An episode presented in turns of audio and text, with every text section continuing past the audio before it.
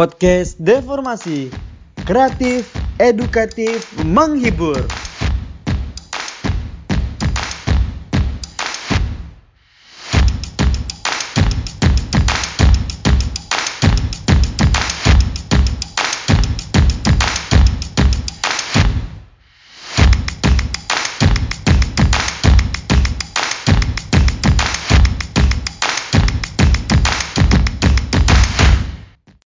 Oke, halo Sobat Solid. Selamat pagi, siang, sore, malam. Kapan pun kalian mendengarkan podcastnya.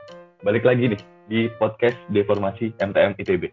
Bersama saya, Anas Amartya Jaya dari Teknik Material 17 dan teman saya. Nama saya Muhammad Sidik dari Teknik Material ITB 2017. Nah, kali ini kita bakal take podcast. Podcast kali ini itu bakal mengundang alumni dari Teknik Material angkatan 2014 Nah, sebelum itu mungkin disclaimer ya. Jadi aku sebenarnya baru kali ini nih jadi announcer. Semoga dil dilancarkan lah untuk podcast kali ini. Wah, sama Nas, Sidik juga nih baru pertama kali jadi announcer. Semoga acara ini lancar ya sampai akhir. Ya, balik lagi tadi kita kan bakal mengundang alumni dari teknik material angkatan 2014. Nah, silakan mungkin siapa nih Dik yang kita undang bilang tamu kali ini? Wah, gila sih Nas narasumber kita hari ini. Keren banget sumpah. Nah, pasti sobat solid semua pada kepo kan. Nah, daripada berlama-lama, mending kita langsung kenalan aja kali ya Nas sama narasumbernya. Siap. Nah, okay. Halo Kak Tia, boleh Halo. kita ke sobat solid kalian? Halo, halo semuanya. Uh, perkenalkan, namaku Tia Atalia. Uh, aku material uh, 2014 material ITB. Uh, sekarang bekerja di sebuah perusahaan plastik injection. Jadi masih nyambung lah sama kuliahnya. Wah, mantap sekali. Uh, uh, gimana kak kabarnya kak sehat kak? Wah sehat sehat sehat. Oh, Alhamdulillah sehat. Anas gimana kabarnya Anas? Alhamdulillah sehat juga. Uh, mantap. Katanya sekarang domisili, domisili di mana kak? Uh, aku tinggal di Tangerang, kerja di Cikarang, ngekos sih di Cikarang. Jadi tiap weekend pulang. Kayak gitu. Oh. Mantap, mantap. Nah, Kak, kan sekarang lagi pandemi ya, Kak. Semua yeah, kegiatan yeah. dari pendidikan, pekerjaan, dan yang lain-lain kan dilakukan dari rumah nih, Kak. Nah, kalau boleh tahu nih, Kak, eh, akhir-akhir uh, ini lagi sibuk apa, Kak, kegiatannya? Lagi sibuk. Yang pertama pasti kerja. Kalau kerjaku karena di pabrik jadi nggak bisa dari rumah ya. Jadi tetap mesti datang ke pabrik tiap hari. Mulai kerja jam 7.45 sampai ya pulang. Tergantung selesainya kerjaannya jam berapa. Uh, sama kalau weekend ada kuliah sih. Tapi sekarang kemarin terakhir udah ujian. Sekarang lagi libur lagi nunggu nilai keluar gitu. Oh. Semoga indeksnya selalu sesuai harapan ya kak. Amin amin amin. Oh berarti walaupun pandemi tapi kerja tetap dari perusahaan ya kak? Iya kerja masih di pabrik karena ya itu karena kita pabrik nggak bisa tuh dari rumah gitu kan kan uh, kalau misalnya kayak orang-orang IT mungkin bisa ya tapi kan kita orang lapangan ya kalau dari rumah ya nggak kerja Tuh. Iya Maksudnya WFO ya Mas Ihan? Iya betul WFO. Oke. Nah mungkin uh, oh sobat solid sekalian oh, segitu dulu ya perkenalan awal kita sama KTA. Nah sekarang mungkin kita bisa langsung masuk aja ke topik podcast kita pada hari ini. Nah, mungkin kita mulai aja ya kak ke acara inti kita pada hari siap, ini. Siap siap. Nah jadi aku ada beberapa pertanyaan nih kak yang mungkin sobat saya di luar sana juga punya pertanyaan yang sama sama aku kak. Nah jadi gini kak, uh, kan di teknik material ini kan masih bisa dikatakan apa ya, tidak sefamous uh, jurusan-jurusan lain lah, seperti teknik mesin, teknik sipil yang udah pada umumnya diketahui oleh masyarakat luas. Nah oh. biasanya kalau aku nih kak pulang kampung ke Padang, aku kebetulan ini orang Padang ya kak. Nah ngumpul-ngumpul gitu sama teman, sama keluarga besar, ditanyain, dik uh, kamu kuliah di jurusan apa? gitu. Terus aku jawab gak oh di jurusan teknik material gitu. Pasti setelah aku jawab ada pertanyaan baliknya kak. Oh itu jurusan apa ya? gitu. Nah jadi uh, aku menilai di teknik material sendiri itu masih belum terlalu diketahui oleh masyarakat masyarakat umum. Nah kalau boleh tahu nih kak kakak sendiri tahu teknik material itu dulu dari mana ya kak? Uh, dulu itu aku ikut ini aku masuk ITB itu AMI yang pas tahun 2014 nah jadi dulu tuh sebenarnya awalnya aku pengen masuknya teknik dirgantara. Oh.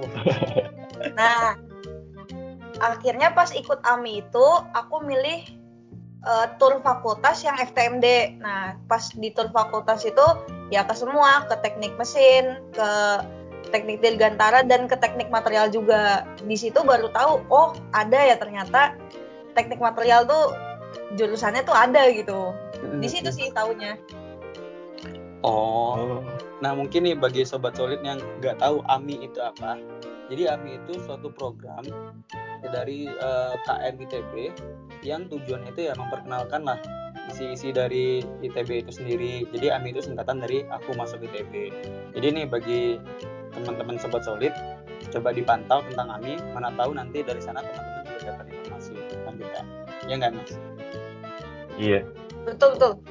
AMI itu seru banget loh ketemu teman-teman baru kayak apalagi kan waktu itu kalau Ami kan kita ngikut paling SMA kelas 2 atau SMA kelas 3 ya ya hmm. bener-bener ngeliat oh tempat kuliahnya tuh kayak gini kayak gitu-gitu seru sih iya sih aku juga setuju sama pendapatnya Kak Tia aku bahkan yang udah mahasiswa masih ngerasa Ami itu ikut Ami itu seru lihat stand-stand tiap jurusan gitu kan oh mantap Terus kalau dari Kak Tia sendiri kan tadi awalnya mau uh, masuk ke Dirgantara nih. Terus apa yang membuat Kak Tia akhirnya merujuk, uh, merujuk ke teknik material gitu? Nah, jadi bahkan aku sampai uh, kita kan kalau di ITB kan ada TPB dulu ya, jadi nggak langsung masuk jurusan. Waktu itu udah masuk FTMD, bahkan sampai di kuesioner. Untuk peminatan itu di kuesioner kan ada tiga kali kuesioner ya? Nggak tahu sekarang ada berapa? Yeah. tiga kali. Kalau dulu tiga kali. Kuesioner satu dua itu aku masih nulis teknik dirgantara. Baru oh. di kuesioner ketiga itu aku baru milih material. Nah kenapa? Ini bukan bermaksud menjelek-jelekan jurusan lain ya tapi waktu itu aku saking penasaran aku tuh nanya-nanya ke banyak orang tentang teknik dirgantara ini ke kakak kelas pokoknya ke kenalan-kenalan yang bahkan sebenarnya nggak terlalu kenal juga tapi ya udah aku tanyain gitu hmm. di satu saat itu aku ketemu sama ya seorang kenalan dan dia tuh lagi ngerjain tugas uh, aku lupa tugas apa. Pokoknya yang integralnya banyak banget.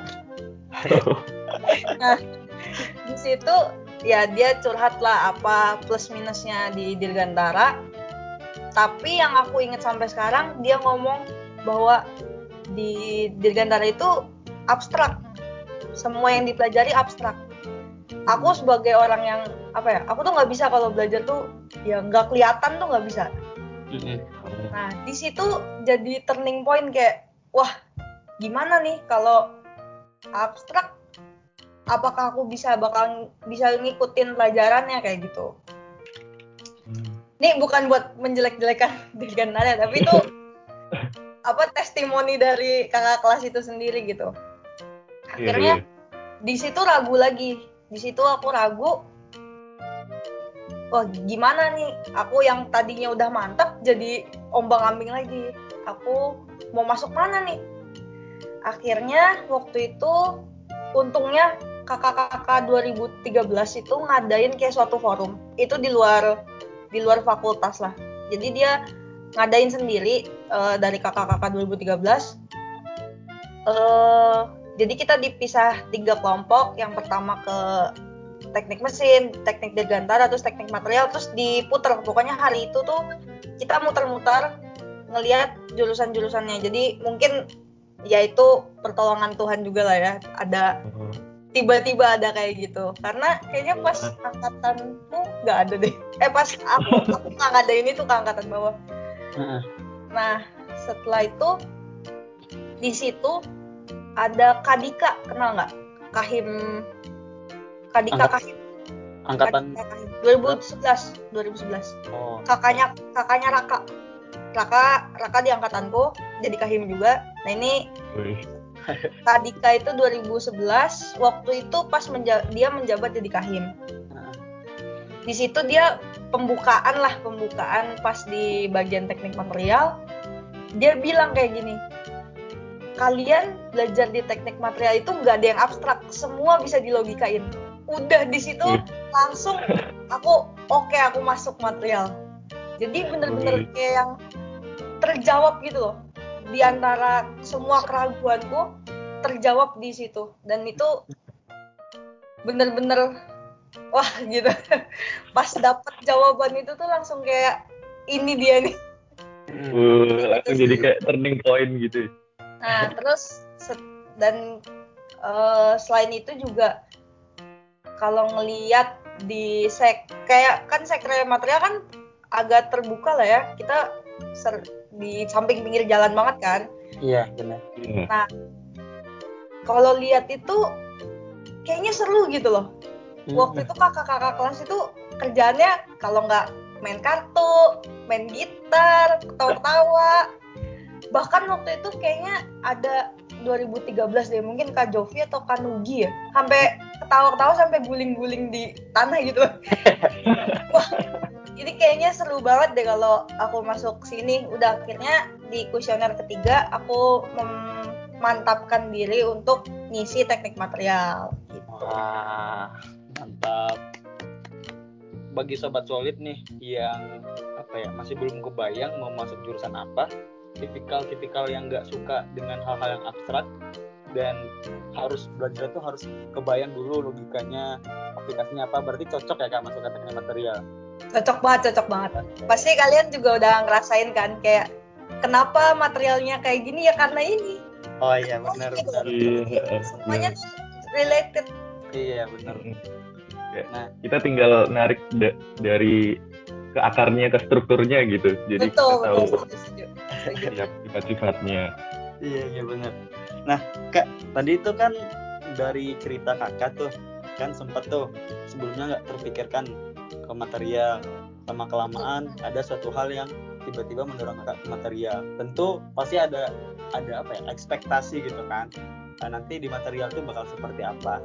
Nah pengen tahu dong kak ekspektasi kakak waktu masuk ke teknik material itu seperti apa ya? Ekspektasinya ya sesederhana itu. Ya, yang Kak Dika ngomong bahwa semua yang dipelajarin ya bakal bisa dilogikain. Semua tuh masuk akal gitu. Loh. untuk pembelajaran kalau yang terkait organisasi teman-teman ya sama yang kayak tadi ku ceritain juga bahwa kayaknya bakal seru nih di teknik material orang-orangnya. Sesimpel itu sih nggak sampai yang jauh banget ke depan tuh nggak. Dulu tuh aku nggak sampai sejauh itu mikirnya.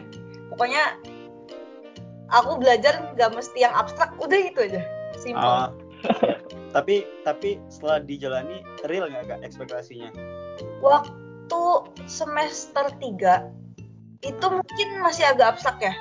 Heeh. masih agak kayak apa sih ini apa sih ini? Tapi setelah udah semester 4 sampai terakhir menurutku bener-bener semua bisa dilogikain. Yang tadi bilang kenapa yang materialnya mungkin kayak sifatnya kayak A ya karena dia punya struktur yang seperti itu gitu loh Iya iya iya. iya. gitu Kalau kalau anak material taunya triangle material kan. Sifat juga dan apa itu lagi komposisi ya? Iya, proses, terus Nah, struktur, dan lain sebagainya. Oke. semua bisa dilogikain lah Betul sekali.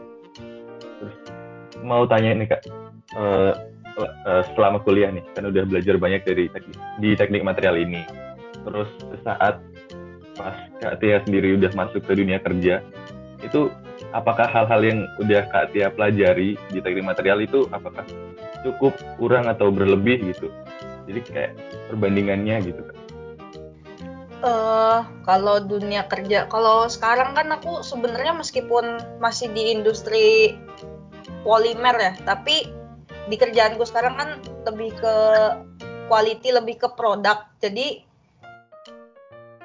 nggak nggak nggak inilah belum terlalu terpakai. Cuma memang ketika butuh analisa itu adalah satu dua yang terpakai. Cuma mungkin belum sampai kayak teman-teman yang kerja di compounding. Kalau di polimer tuh ada namanya compounding. Compounding tuh uh, nyampur-nyampur material lah kasarannya kayak gitu. Nyampur-nyampur polimer. Temenku ada angkatan 2014 juga dia kerja di compounding dan sering diskusi sama aku karena kita sama-sama di Cikarang. Dan itu sangat membantu. Benar-benar oh. membantu. Jadi ya sebenarnya tergantung kalian nanti kerjanya di dunia apa gitu. Kalau kayak mungkin ada yang kalau di logam corrosion ya itu pasti bakal kepake banget ilmunya.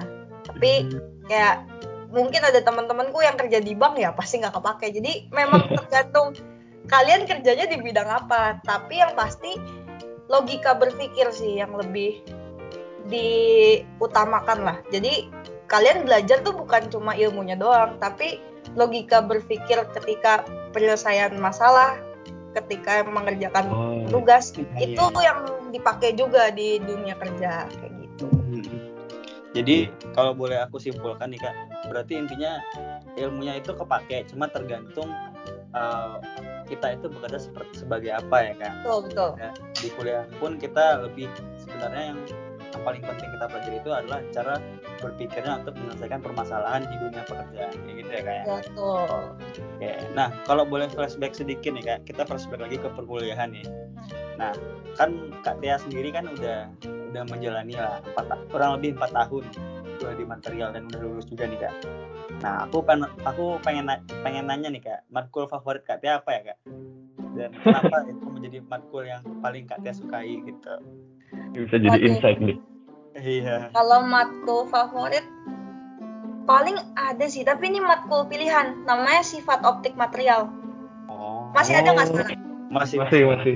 Wah itu seru banget, bener-bener yang kalian banyak kayak bahkan di kelas itu seringnya gelap jadi Wih. nanti ada cahaya-cahaya gitu deh itu seru-seru kalau regulernya apa ya kalau yang bukan pilihan kayaknya ya biasa aja sih paling yang semua yang diajar-ajar sama kalau aku kan emang senengnya ya polimer kayak gitu-gitu kan polimer komposit ya pasti kalau nggak polimer ya komposit itu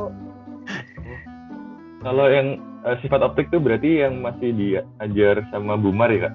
Iya betul. Dulu masih dia dulu diajar Bumar. Sekarang masih ya? Iya masih kok masih masih Bumar. Itu seru itu seru. Kalian kalau kalian masih bisa ngambil matkul gak? Kalau kalian bisa ngambil ambil itu deh. Rame rame. Asik banget. Uh. Masih masih bisa sih kak. Tapi masalahnya kan kita udah jalan kuliah. Udah jalan kuliah semester 8. Jadi ya paling sit in tapi masalahnya ya, mungkin kita punya bidang yang berbeda ya kak. Oh. ya tergantung bidangnya juga ya kak. Benar benar benar tergantung bidangnya juga. Emang akhirnya matkul favorit ya tergantung kalian senengnya di mana ya pasti. Ah, iya. Mau, mau tanya sedikit nih uh, pandangan kak Tia sendiri dari dari untuk keempat empat apa ya empat bidang di material ini kan di kuliah kan dibagi nih ada logam, polimer, keramik, komposit. Nah, pandangan Kak Tia gimana nih atas pembagiannya ini, terus tiap mungkin tiap materialnya? Uh, kalau pembagian emang mungkin ya emang pembagiannya emang empat itu kan karena kita material pun diklasifikasikan sebagai empat. Kalau pandangan, pandangannya gimana dulu nih? pandangan terkait apanya dulu? mungkin aku mau tahu mau tahu nih uh, fokus kenapa kok Tia memilih polimer sebagai fokusnya Tia? Oh gitu, kenapa polimer? Jadi kalau kenapa polimer ya? Aku seneng banget Lego. Oh, Lego tahu kan Lego mainan itu? Ah, ah, ah. Iya iya. Nah, pokoknya aku ya meskipun udah kayak gede kayak gini aku seneng banget sama mainan lah. Toys, lebih ke toys bukan games ya, toys. Oh iya.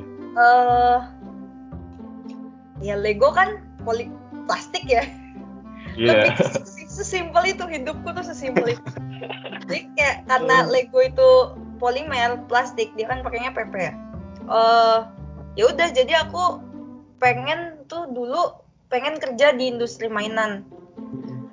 Ah, oke, nah yang mendekati industri mainan ya deng mendekati Lego lah ya itu kan polimer. Makanya aku lebih ke polimer. Mungkin kalau aku senangnya Hot Wheels aku milih logam. Iya juga. ya. sesimpel itu sesimpel itu. Memang ya mungkin kalau teman-teman nanya kadang aneh gitu ya tapi ya emang sesimpel itu waktu pemikiranku tuh waktu dulu ya sesimpel itu kenapa aku ambil senangnya polimer ya karena itu gitu Hmm. kalau yang lain mungkin insight ya untuk logam mungkin lebih banyak kepake lah di dunia kerja karena ya industri sekarang masih banyak logam gitu kalau untuk keramik ya mungkin banyak banyak juga sih lumayan. Keramik kan mencakup eh, gelas juga kan kaca dan segala macam. Kalau polimer itu umumnya ya itu paling ke compounding atau ya ke proses aja. Karena kalau misalnya kayak muluk-muluk ya kalau dulu kan mikir oh iya kita bisa bikin. Emang sih kalau di, kan- di kampus kan ada bikin kayak eh, plastik dari tahap pati yang Oh. bisa langsung mm, hancur gitu. Tapi kan untuk sekarang terutama di Indonesia mungkin untuk researchnya polimer masih terbatas. Tapi kalau misalnya memang teman-teman ada kesempatan untuk keluar ya itu lebih besar sih peluangnya. Karena benar-benar sekarang kan mulai diganti nih dari besi mulai pindah ke polimer. Polimer juga ya ke polimer atau komposit lah. Sebenarnya peluangnya besar banget sih di polimer dan komposit karena besi meskipun di Indonesia masih banyak tapi kayaknya agak mulai ditinggalkan mulai pindah lagi ke eh, polimer komposit. Dan nano satu lagi nano. Material Oh. nano itu lagi berkembang banget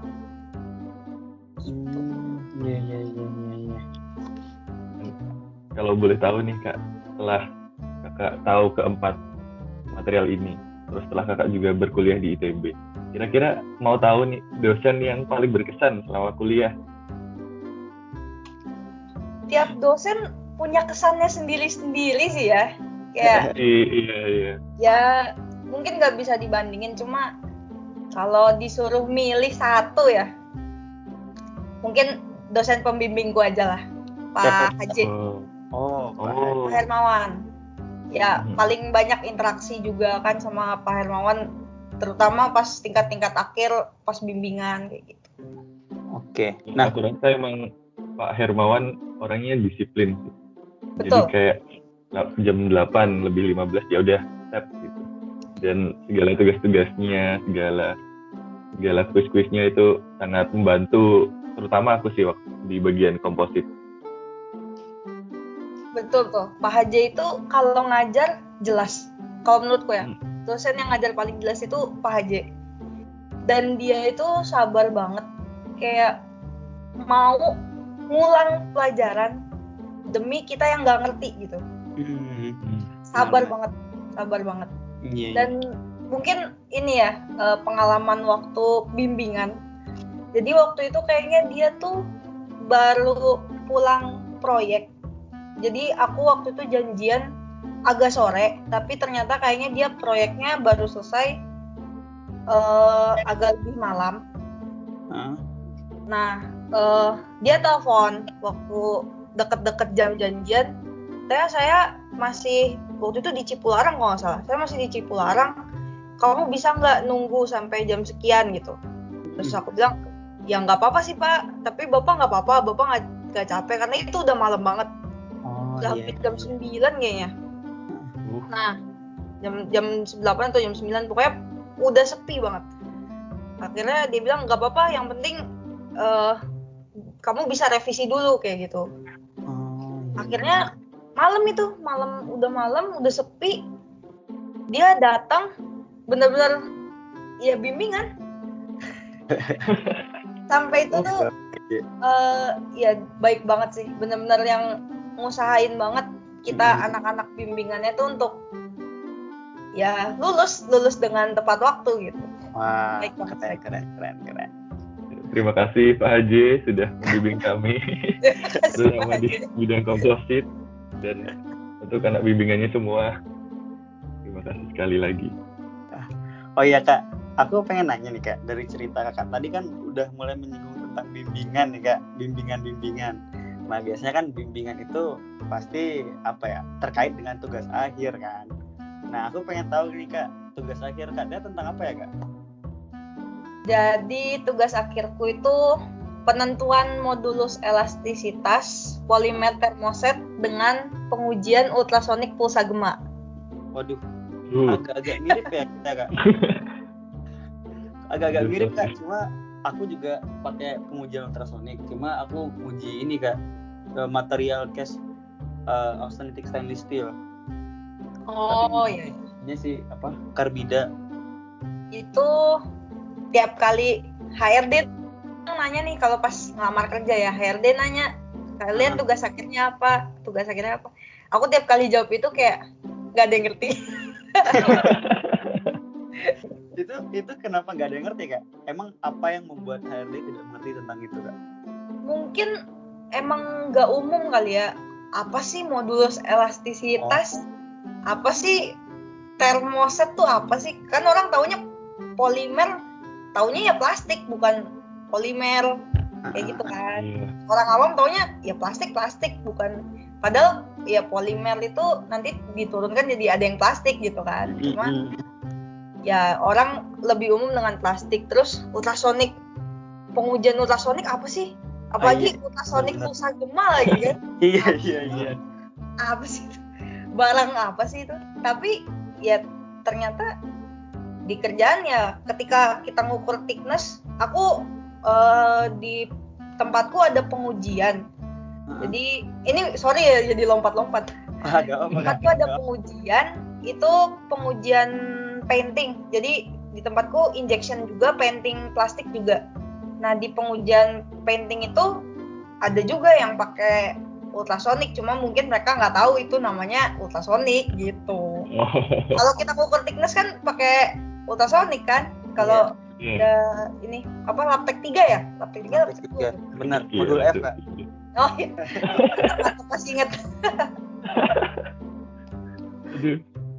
eh ber- eh, kemarin aku sempat cerita juga kak sama teman-teman tugas akhir tapi bukan di teknik material tek- eh, di ITB tapi jurusan yang lain. Dia nanya tuh dik judul teh apa dik? Aku aku kasih tahu kan ini ini ini ini nih. Wah apaan tuh? Kayaknya tuh aku ngeliat ya kak judul teh anak material tuh kalau dibacain tuh keren-keren gitu loh. Maksudnya bener bener ada istilah-istilah yang apa misalnya kayak ultrasonik, termoset, modus elastisitas, misalkan kayak gitu. Case austenitic stainless steel. Pokoknya keren lah kalau mendengar judul-judul kayak anak-anak uh, material gitu. Dibanding dengan jurusan-jurusan lain ya, aku menilainya seperti itu. Nah, uh, jadi uh, oke. Nah, Kak, tadi kan kita udah cerita tuh tentang per perkuliahan Kak Tea selama di Teknik Material ITB. Eh, terus nih, sekarang aku mau geser nih kak cerita kita ke cerita Kak Tia sekarang yaitu saat Kak Tia udah bekerja. oke Nah, eh, Kak Tia kan udah udah kerja ya kak. Aku boleh tahu nggak kak ceritanya perjalanan karir Kak Tia mulai dari Kak Tia lulus dari Teknik Material ITB sampai bekerja hingga saat ini. Hmm, dari lulus ya. Kalau lulus, aku lulus Oktober 2018. Bulan Oktober waktu itu lulus terus ya biasalah nyari-nyari kerja ke job fair job fair. Tapi biasanya ke job fairnya sejam, mainnya sampai malam.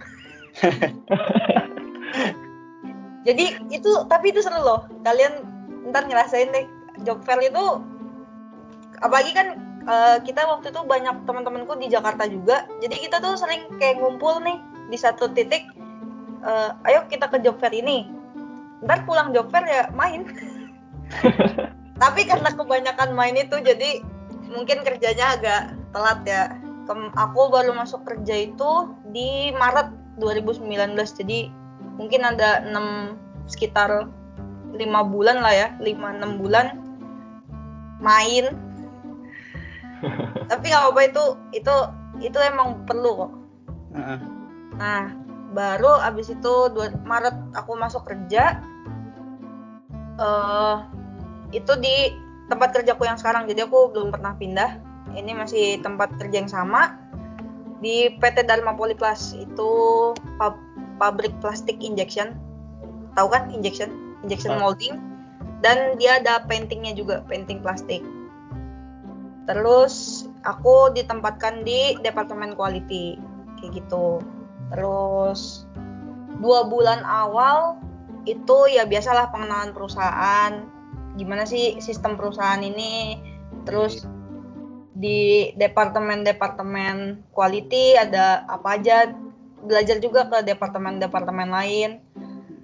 Udah habis itu ditempatkan di masih di quality tapi jadi koordinator untuk quality control line painting.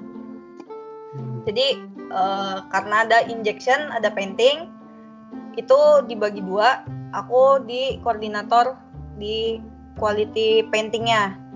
Itu kemarin membawahi sempat 8 orang kayaknya paling banyak, 8 atau 9 orang. eh tapi untungnya waktu itu seumuran semua jadi asik lah, seru. Kita sering keluar bareng ya nggak nggak sering banget lah pernah lah keluar bareng makan bareng terus abis itu setelah mungkin sama bosku sama dev headku dianggap bisa mengkoordinasi dengan baik akhirnya dipindah ke eh, koordinator untuk quality project. Jadi waktu itu ada restrukturisasi eh, dev headku mau bahwa ketika ada produk baru quality pun join gak cuma engineering jadi akhirnya ditempatkanlah aku di situ kayak gitu itu mulai pertengahan tahun kemarin jadi hmm, udah setengah enam bulan lebih lah Oh iya iya. Berarti sekarang eh, Kak Tia di di perusahaannya sebagai koordinator quality project ya Kak? iya betul Oke, mantap mantap.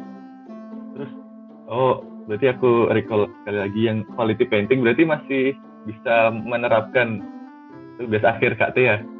Di pekerjaan Kak Tia sendiri. sebenarnya nggak menerapkan sih tapi lebih kayak akhirnya aku bisa ngajarin ke teman-teman bahwa alat ini tuh cara kerjanya kayak gini. Sebenarnya sesimpel itu doang sih. Kalau Oh, iya. sampai menerapkan banget mungkin nggak. Cuma ya itu tadi untuk analisa-analisa terkadang memang perlu perlu untuk eh, ilmu keilmuan kita. Karena kayak kalau di injection kayak kalau di injection atau painting painting dulu deh. Eh, untuk kita kan barang plastik nih misalnya plastik kayak gini. Ya ini ini HP sih bukan plastik.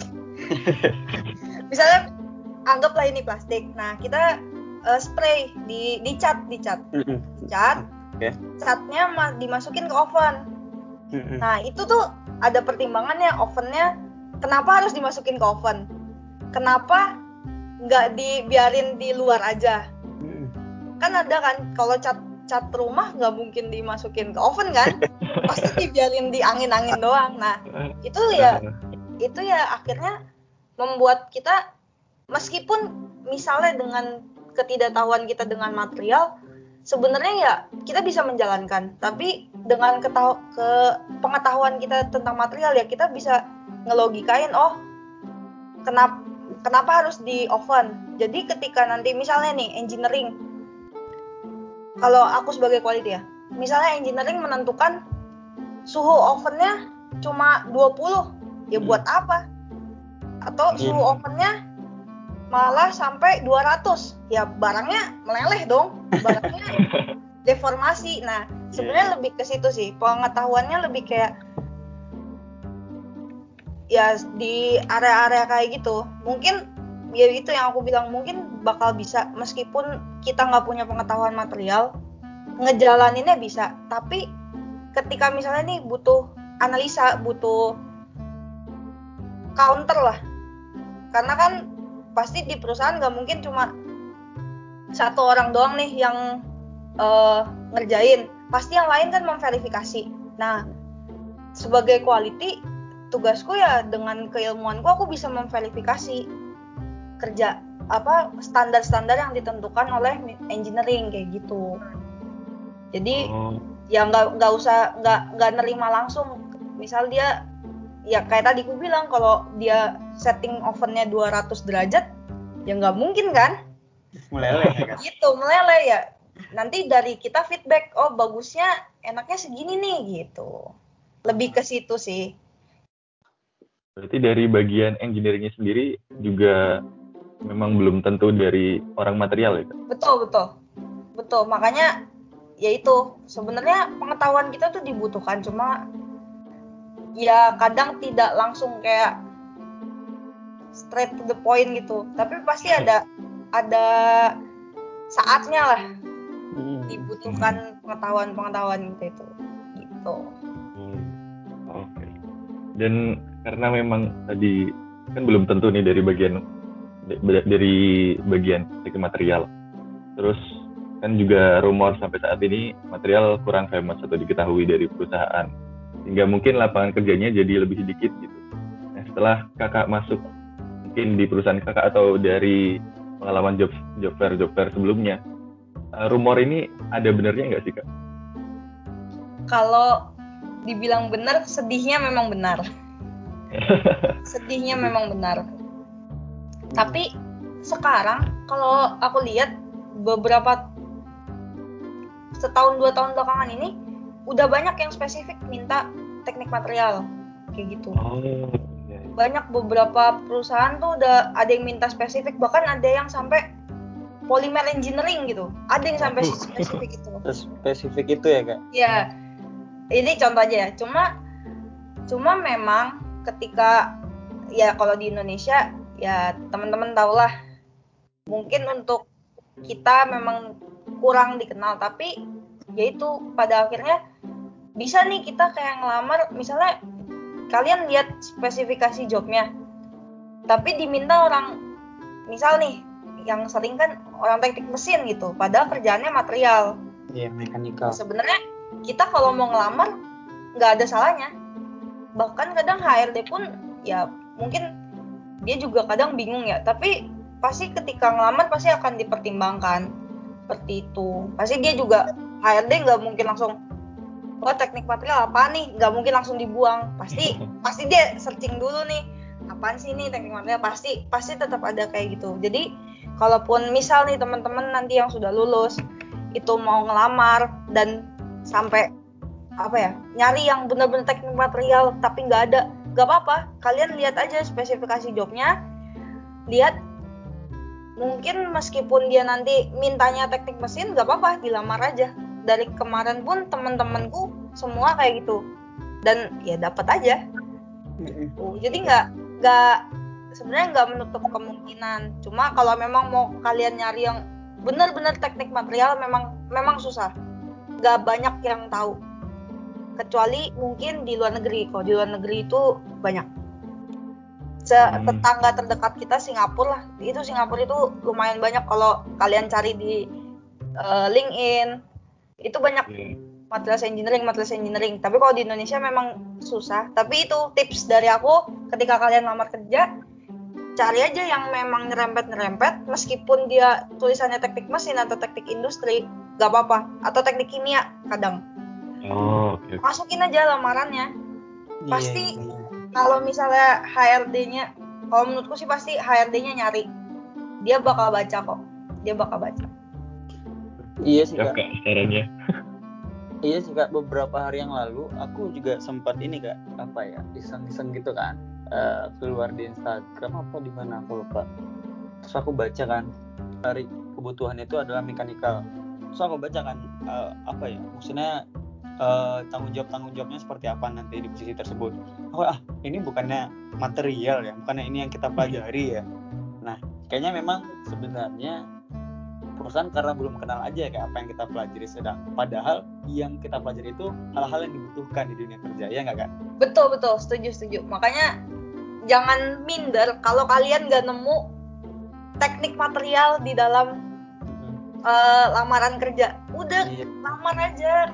Meskipun iya, meskipun itu tuh saya teknik mesin atau teknik kimia tapi ketika kalian lihat kerjanya emang sesuai sama minat kalian sama bidang kalian ya nggak masalah bahkan aku juga nemu nih teman KTA juga di angkatan 2014 yang aku lihat waktu itu di LinkedIn dia malah kerja mau apa melakukan pekerjaan yang di bidangnya anak mesin juga di piping kalau piping itu mesin ya kak uh, piping umumnya tetap material. Oh, tetap material. Tapi temenku ada uh, dia kerja jadi maintenance.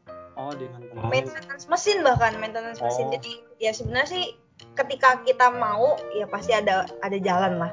Hmm. Siap, Dan siap. temenku juga banyak yang di bank. Kayaknya nggak cuma material sih, banyak juga tuh yang geologi, metalurgi. Iya betul betul. Tapi, okay. tapi kalau memang kalian masih mau berkecimpung, jangan berkecil hati kalau nggak nemu namanya teknik material. Aku menekankan itu sekali lagi. Hmm. Tenang aja, tenang aja. Pasti meskipun kualifikasinya dia mintanya ya itu teknik mesin atau teknik kimia, nggak apa-apa lamar aja. Hmm. Nah, jadi nih buat sobat solid semua. Nah, mungkin beberapa kalian juga mikir kan kalau anak material itu susah jadi kerja. Nah sebenarnya itu bukan susah tapi memang nggak tertulis secara nyata aja kalau yang dibutuhkan itu teknik material. Tapi tenang teman-teman bakal tetap ada peluang kok untuk bekerja sebagai lulusan teknik material. Banyak banget. Soalnya aku lihat dari uh, eh, alumni alumni dari kakak tingkat pun juga apa ya bisa dikatakan untuk uh, apa ya rata-rata bekerjanya itu sangat tinggi ya kak. Betul betul Oke, nah kita mungkin lanjut ke pertanyaan selanjutnya nih. Uh, kalau yang aku dengar kak dari orang-orang yang udah berkecimpung di dunia pekerjaan, katanya itu kuliah itu beda, beda pokoknya sama orang-orang yang telah bekerja. Eh, maksudnya dunia pekerjaan itu berbeda dengan dunia perkuliahan. Apakah itu benar kak? Dan jika yang benar, emang bedanya apa sih kak?